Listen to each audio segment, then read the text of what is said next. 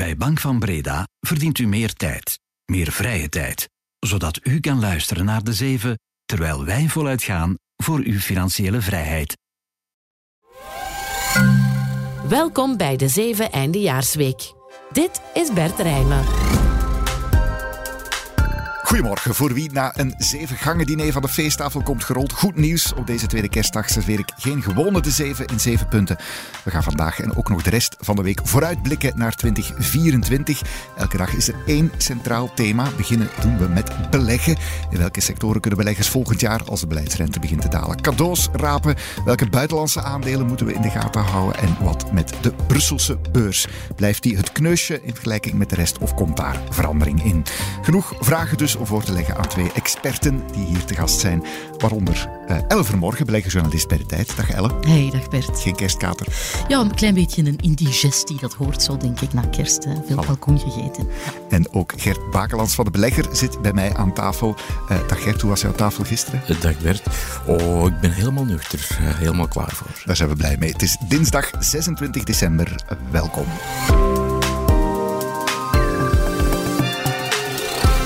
De 7 en de jaarspecial.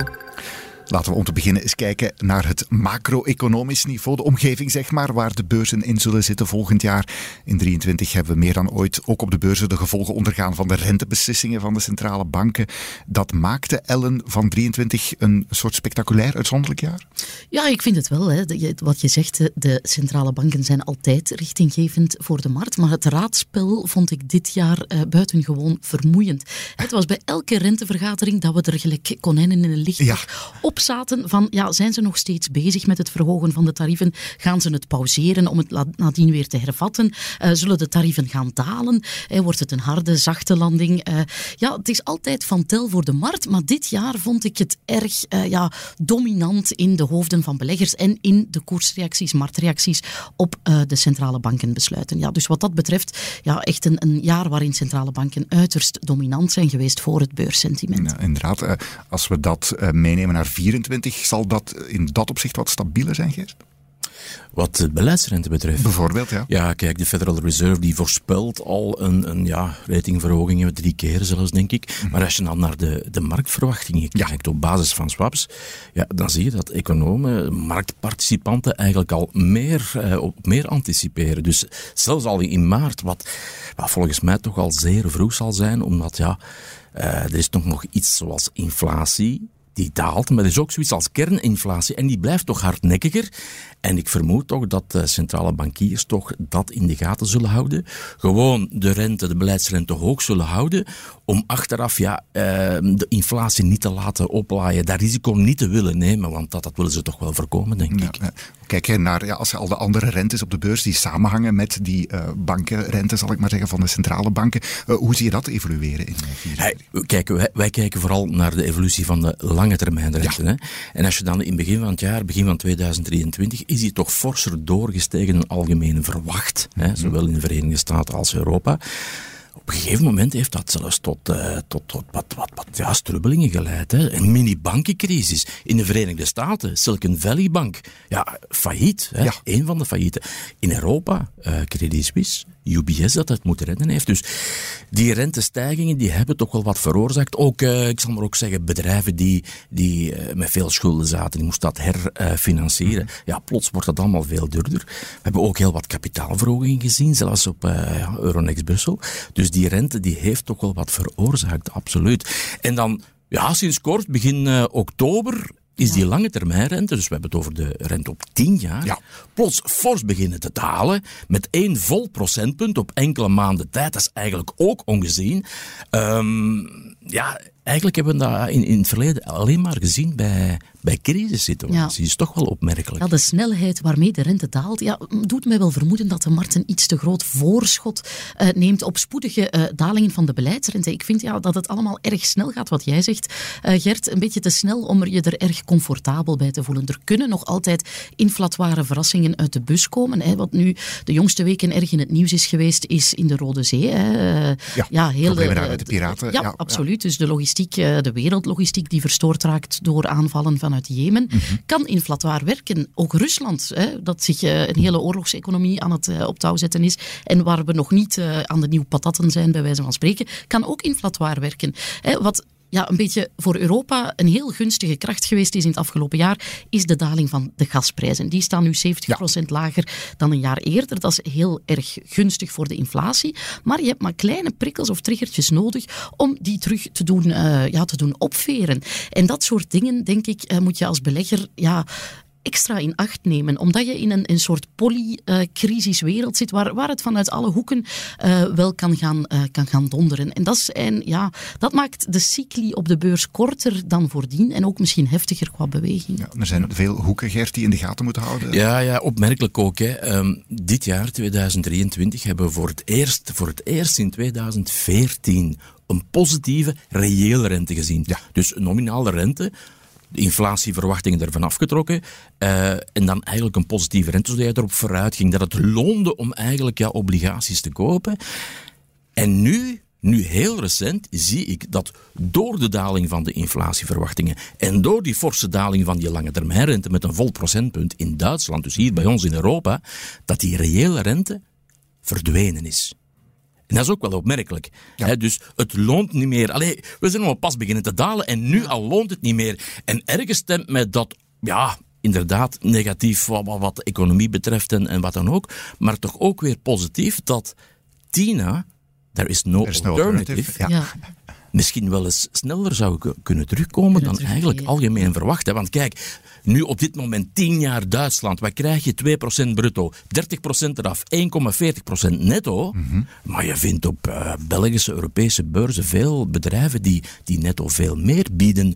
Dus ik denk dat dat toch wel opnieuw kan spelen op, die, uh, op de brede aandelenmarkt. Ja, dat creëert kansen. Wat voor sectoren zouden dan ja, goede zijn om, om naar te kijken in, in die context? Ja, als, als Gert gelijk krijgt dat we een terugkeer van Tina uh, ja, krijgen. Ja, Ik denk dat ja, de rentegevoelige aandelen die erg uh, ja, in het verdomhoekje hebben gezeten, mhm. dan de uitgelezen kanshebbers zijn om te profiteren daarvan. Hè. Vastgoed, een sector die in Brussel erg vertegenwoordigd is.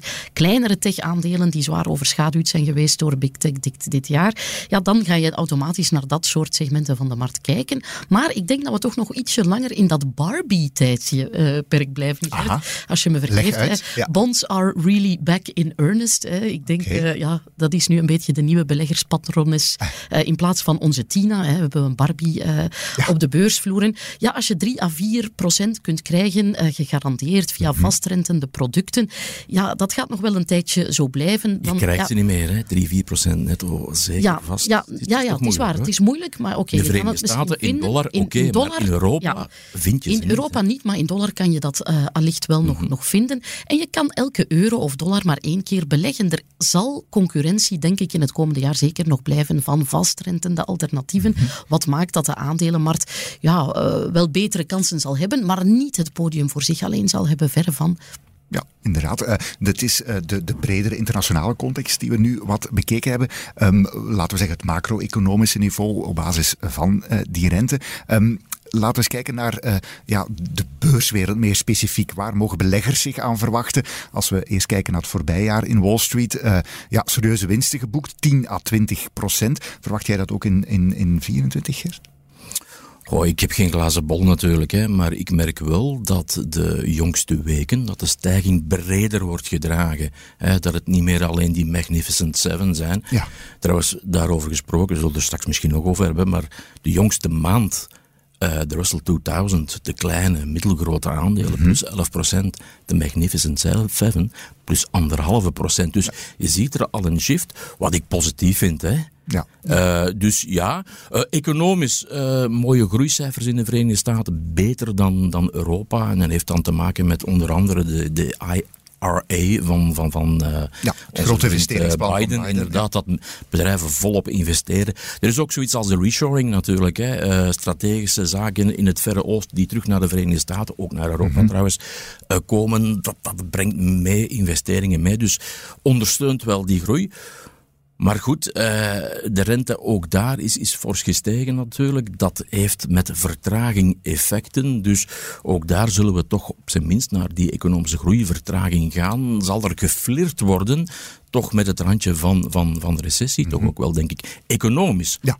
Uh, financieel, beurs, dat is nog iets anders. Is, is, is inderdaad een ander verhaal. Je kijkt ook wel uh, naar de overkant van de oceaan ja, voor absoluut, de, de coole dingen die daar te gebeuren Ja, ja, ja we, we, komen uit een jaar waarin de Amerikaanse economie verrassend robuust is gebleven. Maar dan vraag je je inderdaad af, kan dat blijven duren? Als je weet, hypotheekrentes daar zitten rond 7 procent. Dat doet pijn en dat zal vroeg of laat uh, ja, de economie pijn doen. Hè. Je weet dat nooit. Hè. Je haalt dat rentewapen boven als centrale bank, maar dat is een enorm moeilijke klus, omdat je nooit weet met hoeveel vertraging gaat jouw verkrappingsbeleid ja. uh, werken. Maar ook daar in de VS ga je toch, denk ik, uh, naar een periode die moeilijker zal zijn uh, op groeiniveau. Hè, dat de groei mm. daar toch ook wel tot stilstand zou kunnen komen. Al is dat misschien maar één kwartaal en niet twee, om dan echt een, een, een recessie te hebben.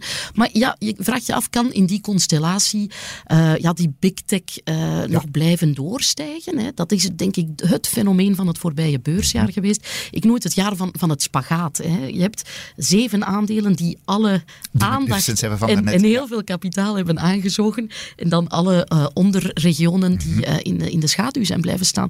En voor mij, ja, als je ziet, de jongste weken heb je een kentering gehad. Gaat die zich doorzetten? Ja, het zou wenselijk zijn voor de diversiteit van de beurs dat je niet met één clubje uh, behemoths, grote mastodonten zit, wienswaarderingen tot in, tot in de hemel blijven, blijven mm -hmm. doorgroeien. Dus voor mij, ja, gaat dat ergens toch wel een kentering kennen, ja. hopelijk in het maar die tweespalt waar je het over hebt, dat is wel ook eentje om in de gaten te houden. Dat is een, een soort heel erg bepalende tweespalt, ook voor jou, Geert? Ja, nee. Kijk, uh, in 2022 Magnificent Seven hebben undergeperformed. Ja. Heel slecht gepresteerd. Dus ik wil niet zeggen dat in 2024 uh, de Big, uh, Big Seven uh, zouden underperformen, maar dat de brede markt inderdaad aan een inhaalbeweging mm -hmm. is. En dat heel veel uh, individuele beleggers die, die breed gediversifieerd zijn, die hebben eigenlijk per definitie dit jaar slechter gepresteerd dan die grote indexen zoals de S&P 500. Uh, een beetje gefrustreerd daardoor ja. zelfs. En ik denk dat uh, dat soort van beleggers, dat die in 2024 terug een heel goed gevoel kunnen gaan krijgen, omdat ook die brede markt, die andere aandelen, uh, meer in de picture komen te staan, dat daar de waarderingen ja. kunnen stijgen en dat die, ja, die Magnificent Seven, die toch wel stevig gewaardeerd zijn, ja, misschien dan toch stabiliseren, weet ik veel, ik heb die glazen bol niet, maar dat er toch ruimte is voor die hm. outperformance van de brede markt. En misschien nog een kleine statistiek ook. Hè. Uh, een beetje pep talk, nietwaar? Ja. Uh, het is een verkiezingsjaar. Hè. Mm -hmm. En statistisch zijn verkiezingsjaren op Wall Street positief. Hè.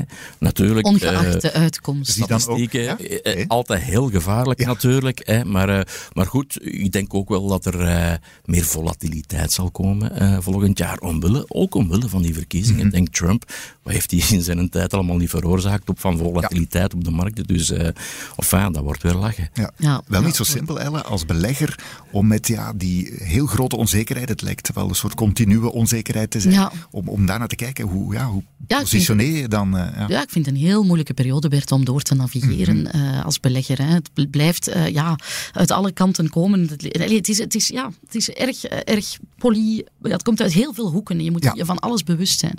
Um, dus ja, maar ik voorspel... Ik denk inderdaad dat 24 mooie kansen kan bieden. Uh, zeker ook voor beleggers die nu wat gefrustreerd zijn. Men blijft dat narratief kopen. Jonge beleggers, uh, als ik ermee spreek, die willen Microsoft, die willen uh, Alphabet. Die, ja. dus dat is, dat is een beetje een frustratie voor beleggers die ja, echt heel, heel goed zelf hun huiswerk maken, op zoek gaan naar ondergewaardeerde aandelen en hopen op een comeback.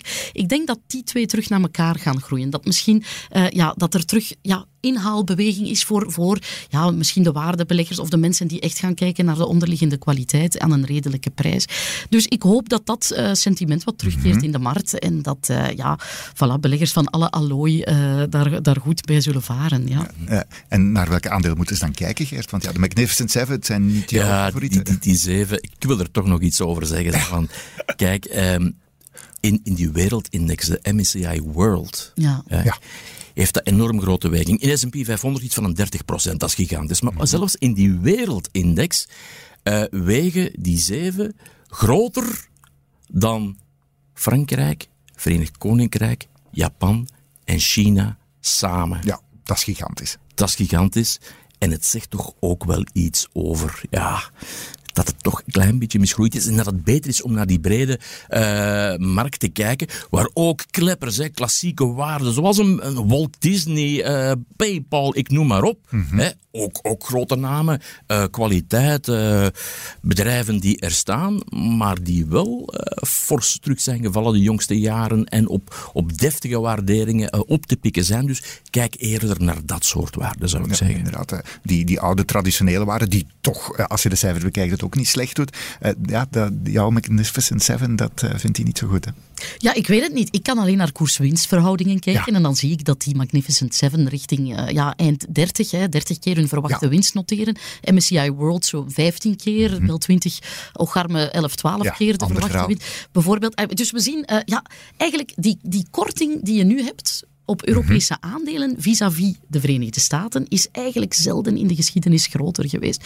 Dus ja, dat is altijd. Maar dan kan je zeggen, ja, die korting is er altijd geweest en iedereen koopt altijd de VS, dus die korting is geen En er is een stuk reden voor ook. En er is een reden Ja. voor. Er is een veel dynamischere beurscultuur. Mhm. En voor mij zit daarin ook de les van het voorbije beursjaar. Eh, wil je als Europa een antwoord bieden, Mhm. eh, dan word ik misschien een beetje politiek, op de almacht van Wall Street, Ja. op de almacht van de Amerikaanse beurs, dan moet je dat met vereende krachten doen en niet ieder op zijn eigen voorschoot. Eh, De Europese beurs eh, is zo versplinterd als, eh, Ja, ja. als wat. Iedereen die op zijn eigen eh, kleine stukje eh, zit, te doen, iets ja, zit te doen. iets Laat ons een keer dat grondig tegen het licht houden en laat ons via een pan-Europese beurs eh, echt een, een antwoord bieden eh, op, de, op de machtige indexen van Wall Street. Ja, ja, want er zijn ook, eh, eh, Gert, ook wel beursstukken van Europa waar, waar toch wel veel dingen gebeuren. Ja, we missen in ons land vooral een, een soort van beurscultuur. Hè. Mhm. Ik was in, in Zweden, in Stockholm, en sprak daar met, een, ja, met collega's, mijn Zweedse collega's, laten we zeggen.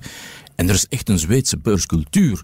Eh, beurs van Stockholm, iets van een 750 aandelen die er noteren. Dat is enorm, hè? Ja. Ehm, Even denken, 27 27 van de mensen handelt daar actief in aandelen rechtstreeks op de beurs. Onrechtstreeks, via fondsen en zo, gaat dat zelfs naar, naar 90 Ja, Dat is hier wel anders, ja. Die kijken niet naar Wall Street, die, die kopen alleen maar Scandinavische aandelen. Eh, dus ja, eigenlijk eh, home bias, oké.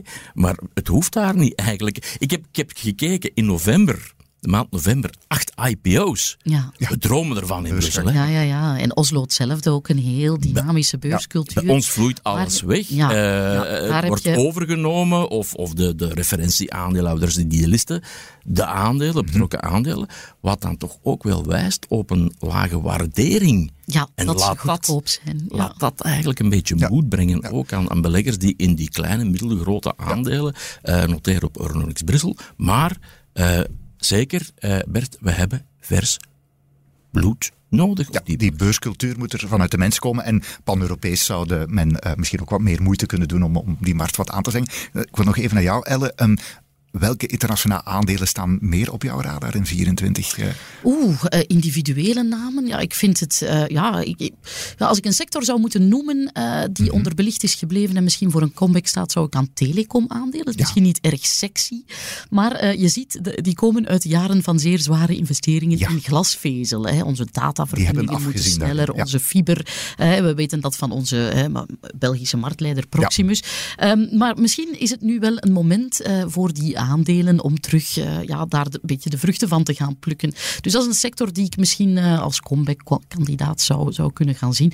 Maar eh, ja, vraag me niet naar individuele aandelen, maar ik denk ja, dat soort dingen. Vastgoed, nog altijd toch, de, de remonte is ingezet, maar is nog bescheiden. Ja, alles gaat daar afhangen van de rente. De rente die als een zwaartekracht werkt voor zeker met name vastgoed. Hè, dat ook, allee, voor alle activa, reële activa, maar zeker ook voor vastgoed. Zodra de rente significant gaat ontspannen of de beurs daar verder op inzet, dan eh, gaan die aandelen ook eh, in een veel beter daglicht komen te staan. Ja, ja, inderdaad. We hadden het al over de Belgische beurscultuur. Laten we eens naar die Belgische beurs kijken. Ehm, eh, ja, die Belgische bedrijven en, eh, of toch zeker die eh verdettenindex in de Bel 20.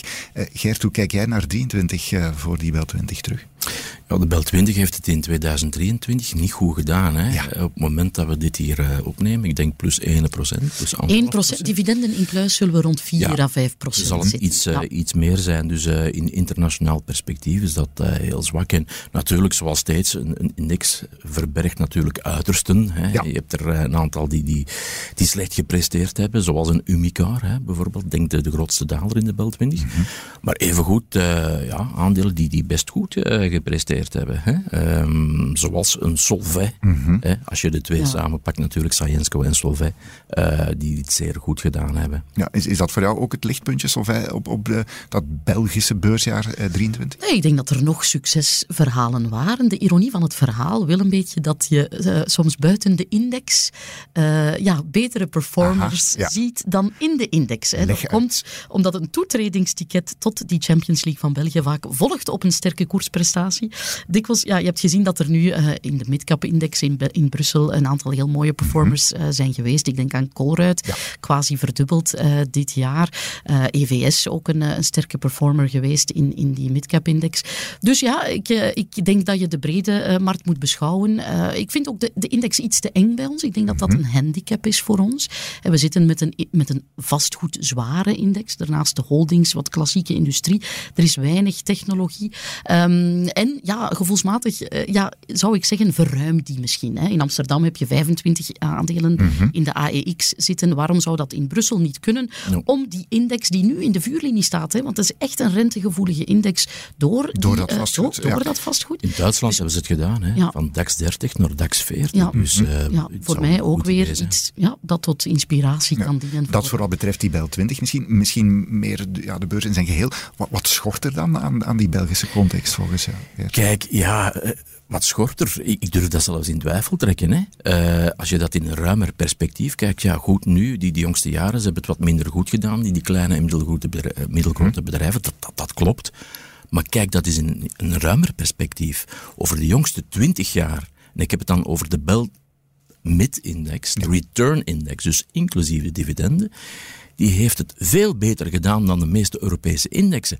Kan ijveren met zelfs de prestatie van de S&P 500. Mm -hmm, dat is indrukwekkend. Dus uh, ja, dat, dat zal menig mens verbazen, maar, maar het, het is zo, dus uh, onderschat dat niet.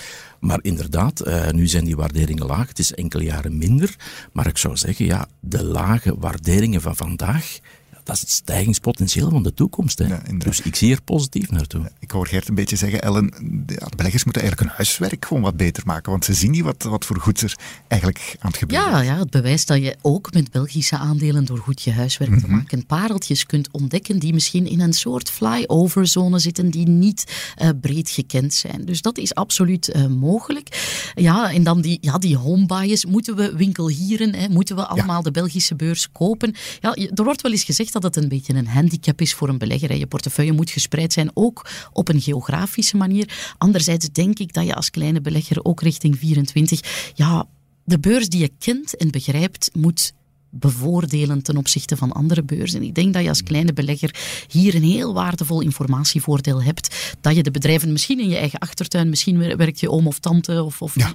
uh, daar wel. Of, of, of, ja, je kent die bedrijven uit de eerste hand. En dat is naar informatiewinning. Je hebt al een nadeel op die grote jongens, de flitshandel, de algoritmische handel.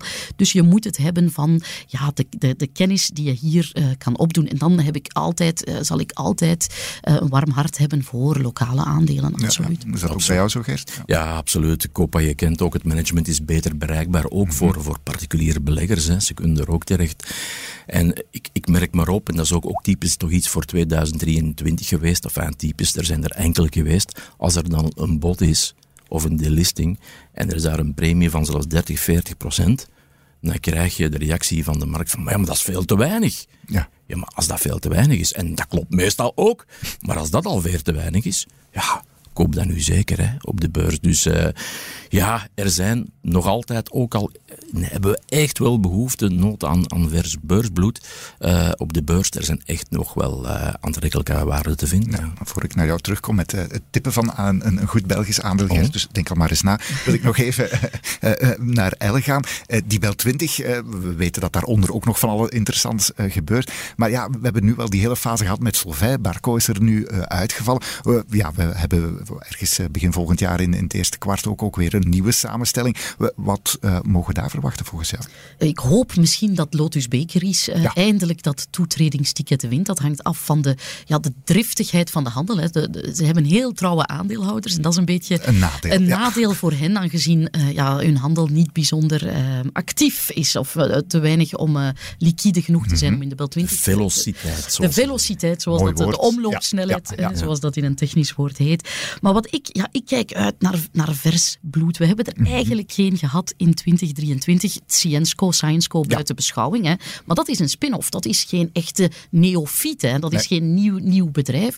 Dus ik hoop dat we er in, in 24 echt wel gaan krijgen. Er is al één bedrijf, oké, dat is weliswaar geen gigant, uh, die toch de duidelijke intentie heeft om volgend jaar naar de beurs te komen. Dat is iCare. Mhm. Dat is een Waals bedrijf dat uh, ja, voorspellingen doet of machines stuk gaan gaan. Het is een beetje ah, een bedrijvendokter. Dus zij kunnen zeggen, die machine gaat binnenkort onderhoud of een vervangstuk nodig hebben. Zij zijn onderneming van het jaar geweest in Wallonië en zij hebben de intentie kenbaar gemaakt om volgend jaar uh, naar de beurs te trekken. Voor mij ligt er een grote uh, ja, potentiële trigger voor de beurs in België bij het vrijkomen van al die gelden die in de staatsbon zijn gekropen. Aha. Bert, we weten, die komen in september terug op rekening. Hè. September is nog een heel eind, maar laat dat uh, ook richting de politiek een signaal zijn van laat dat geld niet terug latent, slapend op een spaarboekje verzeilen, maar geef daarmee een impuls aan ons en aan onze, ja, als kleine belegger, aan risicokapitaal. Ja, kan misschien wel voor ja, die beurscultuur die we niet zo hebben, toch ergens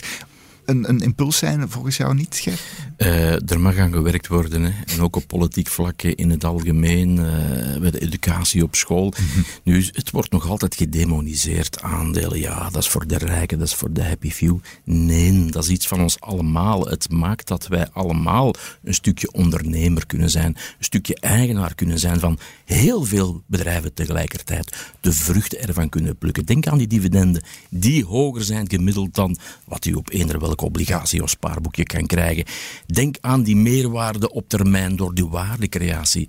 Ja, laat iedereen beleggen, zou ik zeggen. En er moet dan gewerkt worden. Dat mag geen vies woord zijn. Mhm. En dat is het nu helaas wel. En daar moet aan gewerkt worden. Ook van, ja, vanuit het brede maatschappelijke kader, dus ook vanuit de politiek. Voilà, onze nieuwjaarsbrief is geschreven. Uh, dat is een zeer mooie aanbeveling voor uh, ja, het hele land eigenlijk, uh, voor, voor iedereen. En dan kom ik met mijn vraag bij jou, Gert. Welk Belgisch aandeel zou je tippen voor, voor volgend jaar? Wel, ik, ik ben geen fan van, van toplijstjes en, en top drie's en ah. top vijf's. En, en Eentjes dat bestaat niet natuurlijk. Hè. Het is belangrijk om een uitgebalanceerde portefeuille te mhm, hebben in functie van uw eigen risicoprofiel. Dat is belangrijk, dat dat allemaal goed uitgebalanceerd is.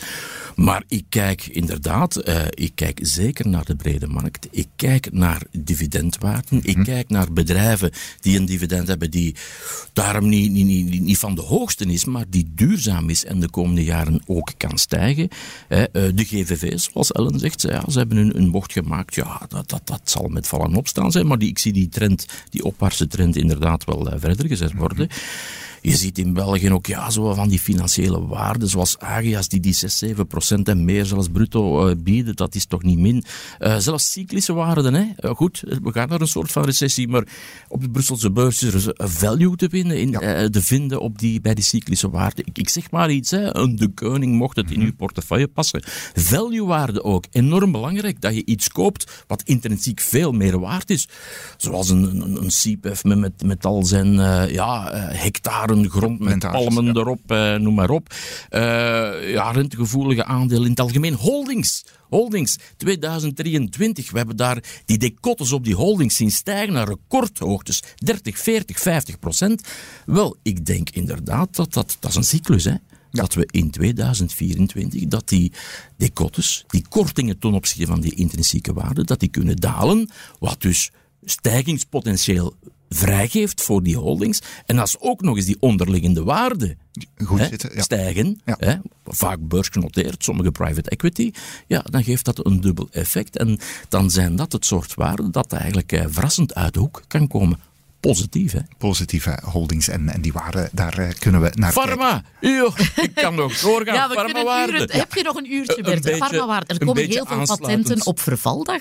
Dus de farmareuzen zullen op zoek gaan naar nieuwe, ja, nieuw voer om hun pijplijn bij aan te vullen. Ja, de dus jongste, jongste jaren helemaal niet... Uh, en in België toch ook een, ja, laten we zeggen, goed aanwezig. Absoluut. Uh, qua bedrijf. UCB, ja. Biezen, uh, maar het moet in uw portefeuille passen. Uh, en een portefeuille is natuurlijk een, een geheel van individuele waarden en niet zomaar top 3, uh, Bert, daar doen we nee, niet mee. Hè? Dus we hebben een mooie top 10 of 15. Ik, ik, ik denk dat we een top 50 kwijt. al ondertussen ja, zitten. Ik, ik heb uh, zitten turven. Zeer interessant, maar vooral interessant heb ik uh, hier weer bij geleerd van het huiswerk goed te maken. Ook naar die onderliggende waarden te kijken. Die holdings bijvoorbeeld niet te vergeten. Lijkt me een goede afsluiter van deze vooruitblik 24 voor wat beleggen betreft. Dankjewel, Elle Vermorgen en Ger Bakeland. Graag gedaan. Met veel plezier. Morgen zijn we er weer en dan kijken we naar economie en bedrijven. en daar zijn Geert Noels en Peter Hinsen onze gast wordt zeker ook uh, de moeite. Een fijne dag nog nu en tot morgen. Dit was een eindejaarspecial van De Zeven met Bert Rijmen. Productie door Lara Droesaert van op de redactie van De Tijd. Voor meer business en straffe nieuwsverhalen check tijd.be of onze app. Morgen zijn we er weer. Tot dan!